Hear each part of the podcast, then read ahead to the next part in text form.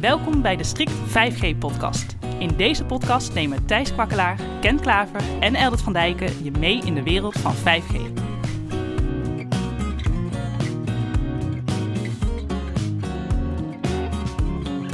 Dit is de Strict 5G-podcast. Ik ben Thijs. Ik ben Eldert. En ik ben Ken. Vandaag gaan we het hebben over slicing, grof vertaald in stukken hakken. Wat heeft dat met 5G te maken? Nou, ik sta wel een beetje tegen dat woord hakken, uh, Thijs. Volgens mij is het slicing netjes plakjes uh, snijden. Dus het fileren van het netwerk, zodat je mooie aparte laagjes krijgt. En dit is de grote belofte van 5G, is dat je uh, met allemaal verschillende klanten verschillende afspraken kan maken. En iedereen tevreden kan stellen. En het belangrijkste was nog van de hele 5G-belofte is dat operators daar heel veel geld mee gingen verdienen. Dus dat was een beetje in het kort 5G-slicing. Oké, leg eens wat meer uit over de techniek daarachter. Hoe werkt het?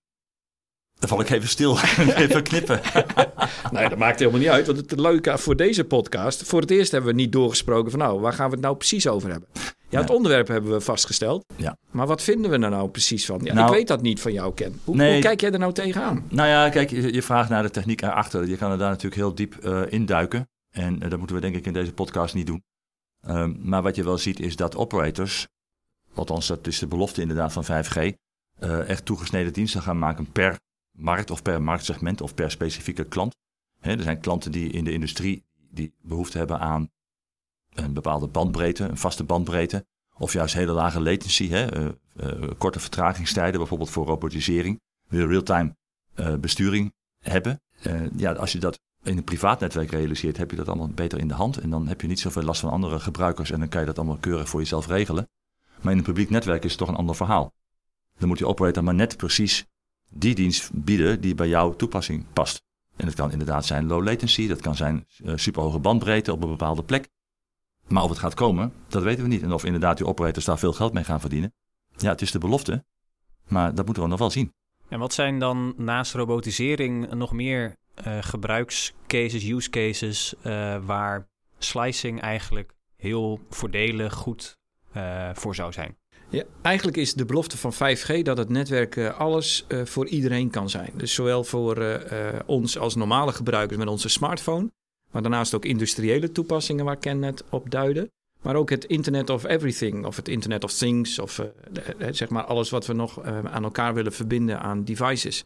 En voor al die verschillende soorten gebruikers zou je met behulp van slicing een ander deel van het netwerk beschikbaar stellen, zodat al die verschillende diensten naast elkaar door hetzelfde netwerk lopen, maar elk een ander soort uh, daadwerkelijke SLA krijgen of een ander soort uh, dienstverlening krijgen.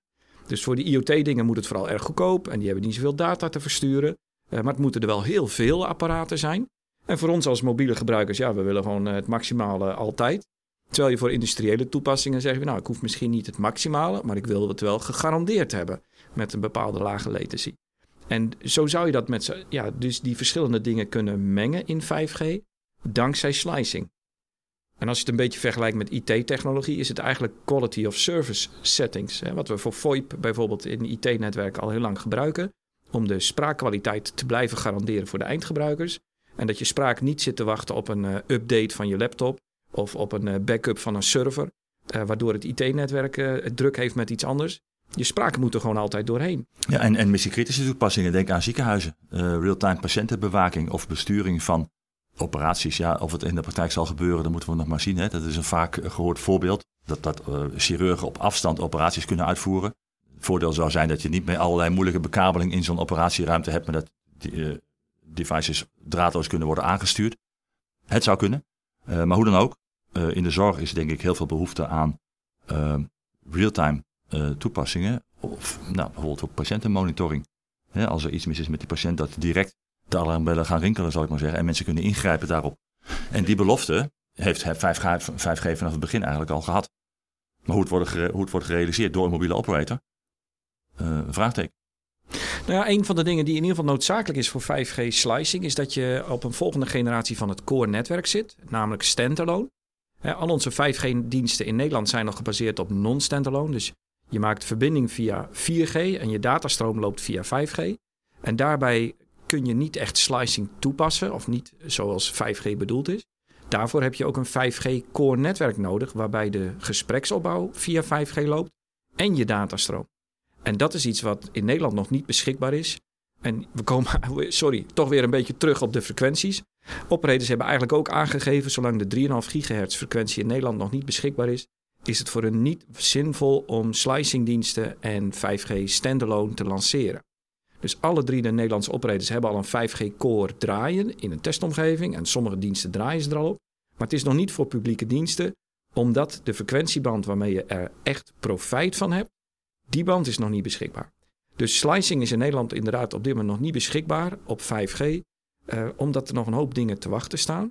Dus technisch is dat het ene aspect. En het andere aspect is nog dat een, een slice aan uh, uh, of zeg maar uh, activeren, dat vergt ook nog weer een heel ander stuk mechanisme. Dat je als klant zeg maar een website krijgt, dat je een aantal dingen aan kan vinken. je pakt je creditcardgegevens erbij en je, en je selecteert wat je wil hebben. Drukt op enter en dat het netwerk dat automatisch voor je voorbereidt. En zo werken clouddiensten al wel. Als je bij Amazon een, een server wilt hebben, dan hoef je alleen je creditcard in de buurt te hebben en een aantal dingen kun je aanklikken. En een kwartier later heb je die slice.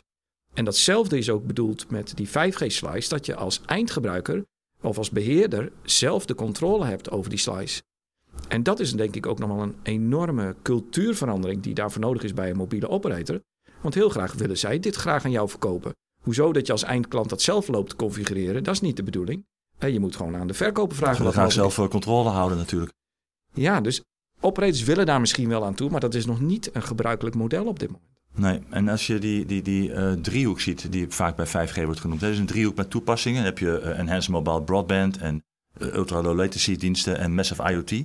Oftewel smartphones, industriële dingen en eigenlijk en, IoT. En ja. IoT, precies. Hè? Dus er wordt vaak mee gekoketteerd. Die driehoek, dat is eigenlijk ja. wat 5G biedt. En binnen die driehoek heb je dan allerlei toepassingen, zeg maar. Ja. En ja, als je voor elk van die toepassingen een aparte slice zou moeten maken, dan heb je nog best wel configuratiewerk te verrichten volgens mij.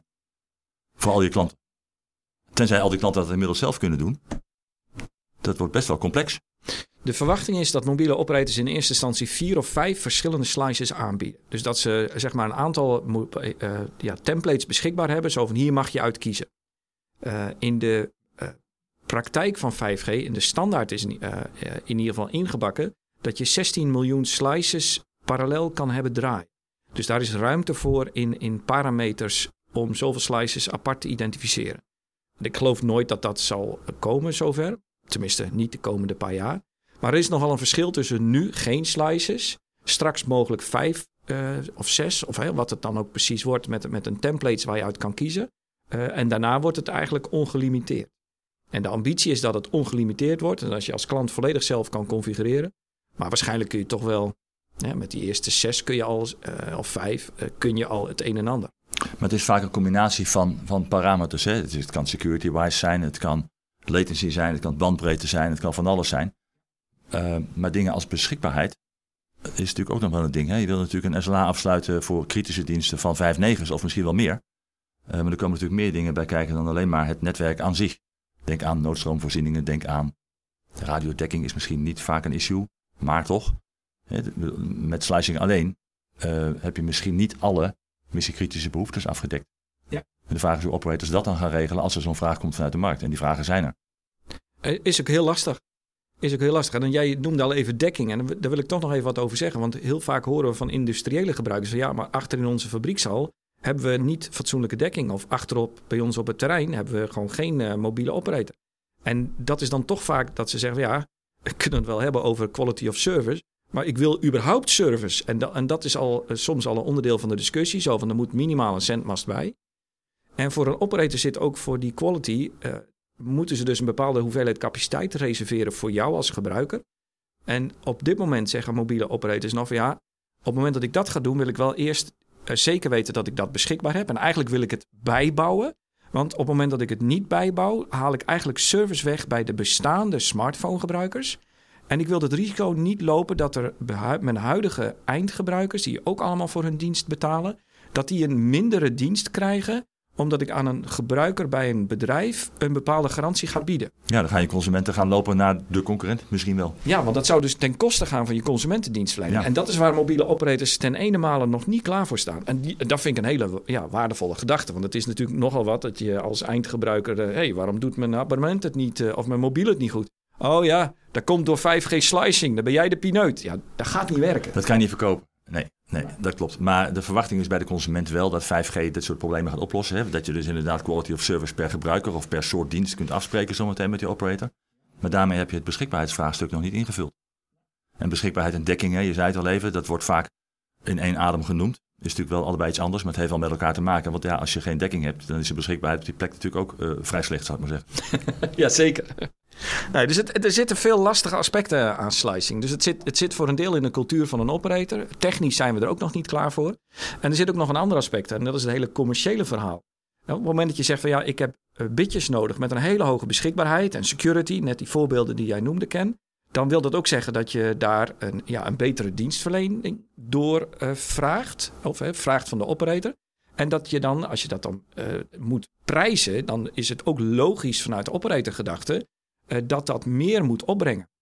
En dat is in ieder geval wat aan de mobiele operators is beloofd vanuit de industrie. Hè. Neem 5G, want daarmee kun je met slicing heel veel extra inkomsten genereren door speciale diensten aan eindgebruikers te bieden.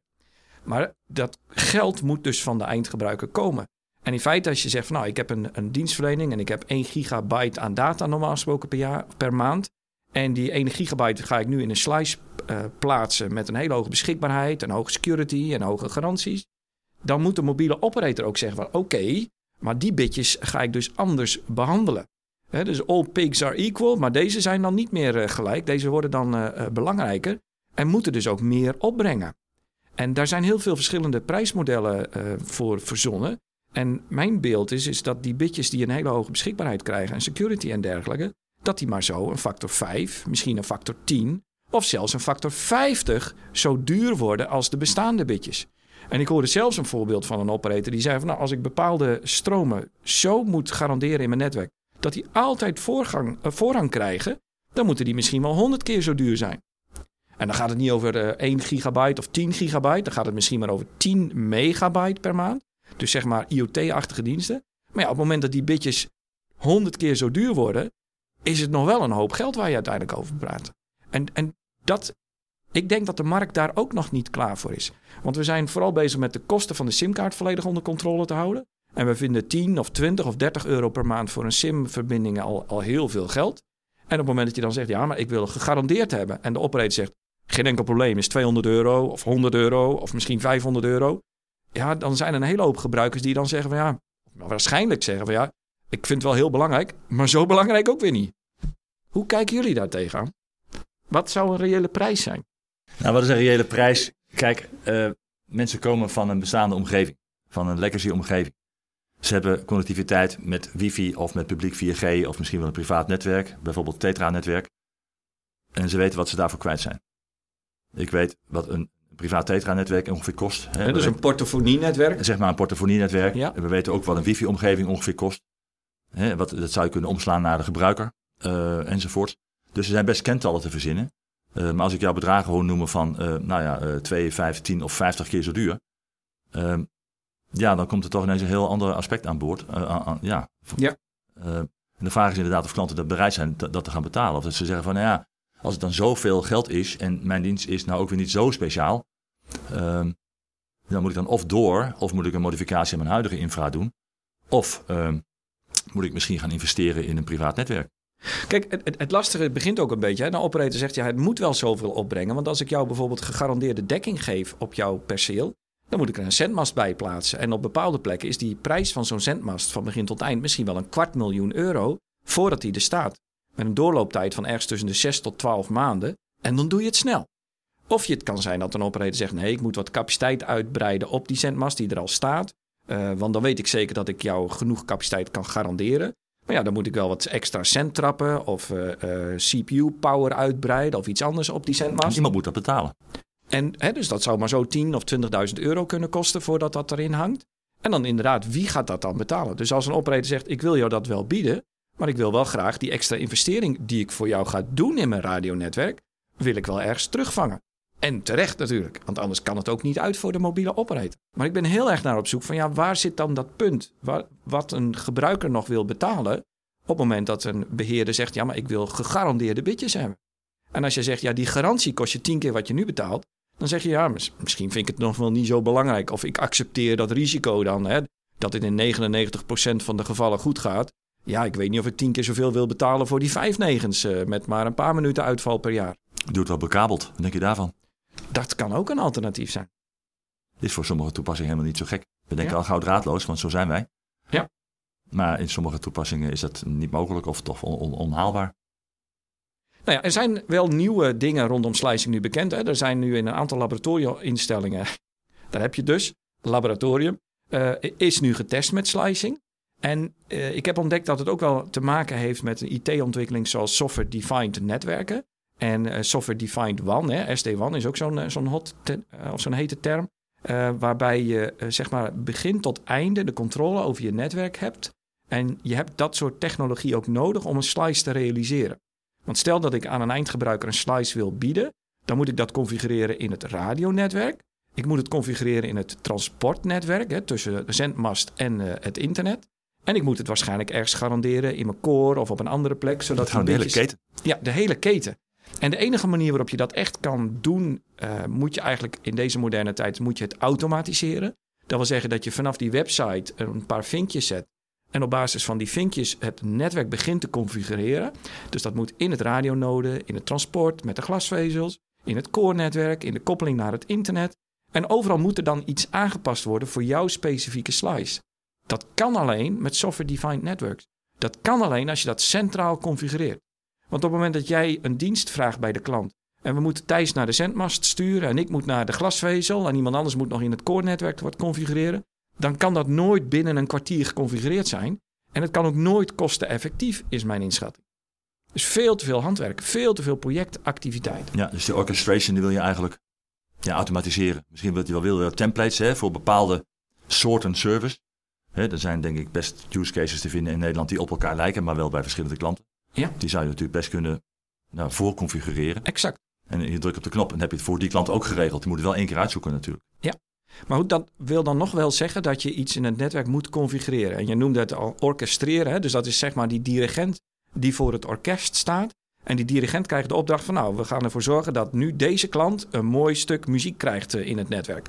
En op dat moment begint hij te dirigeren en iedereen let op, we gaan dit nu tegelijkertijd regelen. En ik heb er al wel demo's van gezien en, en het werkt ook echt wel. Maar het vraagt wel wat van, van je hele keten. Want dan moet je dus overal moet je aanpassingen doen. Dat je in plaats van decentraal alles configureren zoals we dat traditioneel doen. Dat je dat overal iedereen met zijn tengels af moet blijven. En dat je dat helemaal centraal door dat orchestration tool, die dirigent, alles laat uh, regelen. En dat, dat is ook iets waar veel mobiele operators nog lang niet klaar voor zijn. Ik bedoel, we zien een hoop fabrikanten, zoals een Cisco, zoals een VMware, zoals een Palo Alto, die allemaal vanuit IT-technologie zeggen van wij hebben dat onder controle. Als je een configuratie wil met een verbinding vanaf jouw uh, kantoor over een glasvezelnetwerk naar de core via een Google Cloud of bij Amazon uit moet komen, kunnen we gewoon end-to-end voor jou regelen. Nou, en datzelfde hebben we dan nodig in een 5G-slice.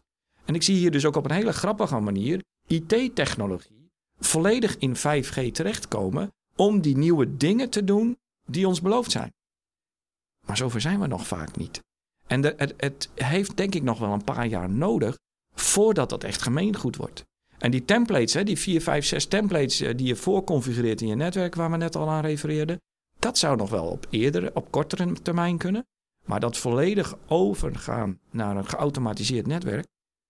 Operators zouden, denk ik, al willen dat ze daar staan. Maar ik denk nog niet dat het reëel is. Ik vroeg me af hoe zou dat met, met compatibiliteit zitten tussen netwerken. Want stel je voor dat je zo'n service orchestration bij een van de mobiele operators hebt ingericht. Hè, en de andere operator doet ook zoiets, maar die heeft natuurlijk andere hardware en andere uh, platformen in zijn omgeving. Uh, stel, mijn contract voor deze specifieke slice loopt een x aantal jaren. En ik besluit over te gaan naar een andere operator. Omdat van alles, hè, kosten bijvoorbeeld.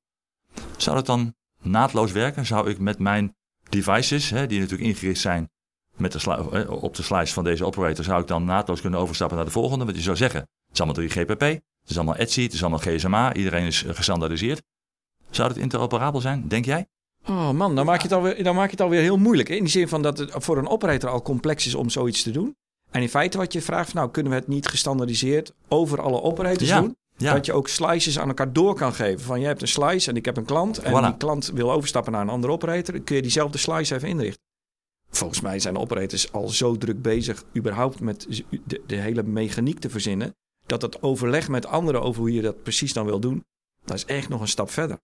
En, eh, maar je, je hebt ook wel een ander punt. En ik denk dat dat nog los van de klanten die overstappen. Stel nu dat je een bepaalde dienst hebt en je bent een transporteur en je rijdt met je vrachtwagen de grens over en je hebt een bepaalde dienstverlening op de bewaking van de spullen die jij achter in de vrachtwagen hebt afgesproken met je klant hè, door IoT-toepassing, dan wil je graag dat diezelfde dienstverlening ook werkt op het moment dat je bij Venlo eh, eh, de grens overrijdt. En op dat moment moet je dus ook eh, in het buitenland diezelfde slice ondersteund krijgen.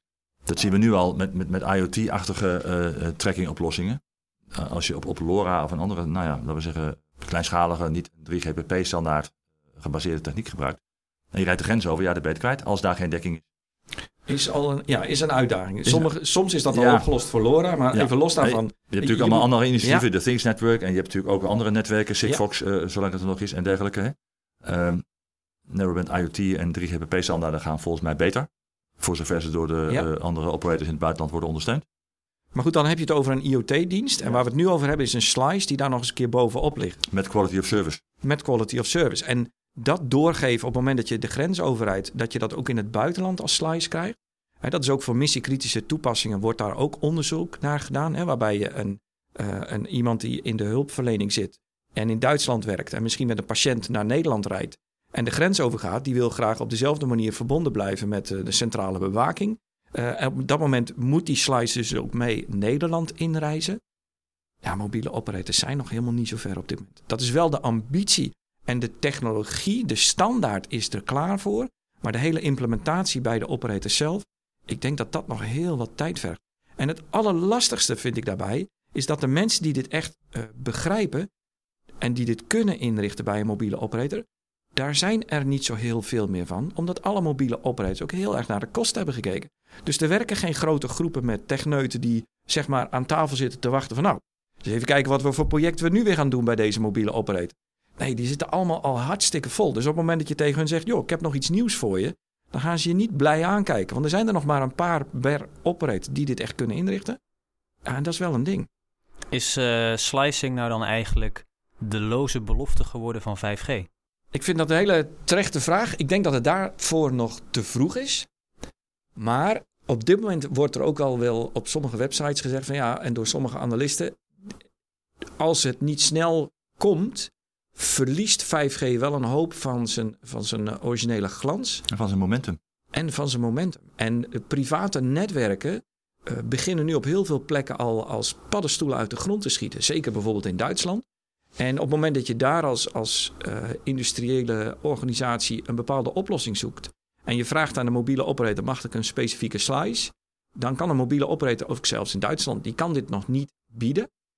Maar een privaat netwerk is wel mogelijk. En dan zie je dus dat eh, heel veel, hè, al ruim 150 grote partijen in Duitsland hebben al gekozen voor een privaat netwerk. Omdat ze dan ook de controle hebben. En dat, ja, dat zit dat slicing ergens wel in de weg. Want als ik het al geregeld heb in mijn privaat netwerk, waarom zou ik dan nog moeite doen met een slice van een mobiele operator? Tenzij het een dienst is die niet alleen op mijn eigen eh, grondgebied moet werken binnen mijn eh, omheining, maar ook daarbuiten. En dat is hè, bijvoorbeeld in de Rotterdamse haven. Dan kun je wel zeggen, nou, op mijn eigen eh, pier doet het het allemaal. Of bij mijn eigen terminal, dan heb ik de controle. Of op mijn eigen chemische terrein heb ik eh, in een deel van de haven heb ik alles onder controle. Maar op het moment dat jouw dienstverlening ook op andere plekken in diezelfde haven moet plaatsvinden. en je rijdt je eigen grondgebied af, of ja, je rijdt je bedrijfsterrein af. dan wil je wel vaak dat die dienstverlening blijft bestaan. En dan ben je eigenlijk automatisch al ja, aangewezen op de mobiele operators. die het in een heel land voor elkaar hebben. En als ik dan eh, toch eh, van jullie beiden een uitspraak mag ontlokken, hoe lang duurt het nog voordat we het hebben? Zoals Eldert al eerder zei, we eerst die 3,5 gigahertz frequentieveiling achter de rug moeten hebben. Nou, daar is nog niet direct zicht op. De commissie met wijze mannen buigt zich nog steeds over een advies. ehm, nou, wanneer we het gaan krijgen, wanneer de veiling gaat starten. Dan hebben we de veiling, dat duurt even, dan moet het nog gebouwd worden. En dan moeten die diensten ook worden geïmplementeerd. Dus ik denk dat we zo vier, vijf jaar verder zijn. Vier jaar denk ik wel. Ik ben iets minder pessimistisch, maar drie jaar zit ik wel aan te denken. Dus het is uh, misschien uh, eind 2024 dat er al dingen zijn in Nederland. Maar ik heb ook een beetje hetzelfde idee als kennen. Als, als het er dan nog niet is, dan vraag ik me af of slicing nog echt van de grond komt. En dan gaan we nu door naar het onderdeel. De eerste keer dat. Nou, voor de eerste keer dat heb ik er nog wel een. We nemen deze podcast op bij ons kantoor in Vianen. Of in ons kantoor in Vianen. En die ligt precies langs uh, de A27. En de kruising met de A2 uh, kunnen we op neerkijken. En in de begintijd van mobiele data, toen mobiele uh, 3G nog niet gelanceerd was, stond ik regelmatig ook op de file op deze kruising. Dus dat was 2003. Toen was 4G nog niet gelanceerd. Maar hadden we al wel, of had KPN al een testnetwerk van 3G in de lucht zitten. Waar je alleen met speciale simmen op mocht terechtkomen. En ik probeer altijd met mijn neus bovenop nieuwe ontwikkelingen te zitten. En ik had niet de directe relatie met het project, maar ik had me er wel in gekletst. Dus ik had zo'n sim en zo'n nieuw 3G-toestel, wat er niet uitzag, want het was nog een prototype. En die dingen waren uh, geheim. Dit was uh, de Sony Ericsson Wakaba. Uh, dus die had ook een hele bijzondere naam. Dat was een clamshell en daar, zat, was geen specificatie van. En het was, dus dat was allemaal behoorlijk nieuw. En ik weet nog dat ik hier op de kruising vast stond, smiddags in de spits om vijf uur. De A2 en A27 komen samen, stond je een kwartier stil. En ik had uh, mijn iPad, zo'n compact iPad, zo'n eerste zo'n uh, device waar je een digitale agenda in had, die ook wat video's kon afspelen. Die had ik met Bluetooth gekoppeld aan die Wakaba op een 3G-verbinding. En ik zat een rerun van het journaal te kijken, dat een kwartier daarvoor was geweest. Er was één website die uh, zeg maar streaming journaal kon bieden. Wat mijn iPad ook begreep. En toen heb ik voor het eerst zeg maar digitaal uh, journaal streamend zitten kijken over een 3G-verbinding. En ik vond het wel zo gaaf, want ik zat daar midden tussen andere auto's vast in de file. En ik wist zeker dat ik de enige was met een 3G-dataverbinding die ook nog eens een keer het journaal kon kijken in de auto. Dat was voor mij van het eerste dat. Ja, ik vond dat zo gaaf. Dit was de Strict 5G podcast met Eldert, Ken en Thijs. Abonneer je op de podcast zodat je direct weet wanneer er weer een nieuwe aflevering is. En laat ons ook vooral weten wat je ervan vond.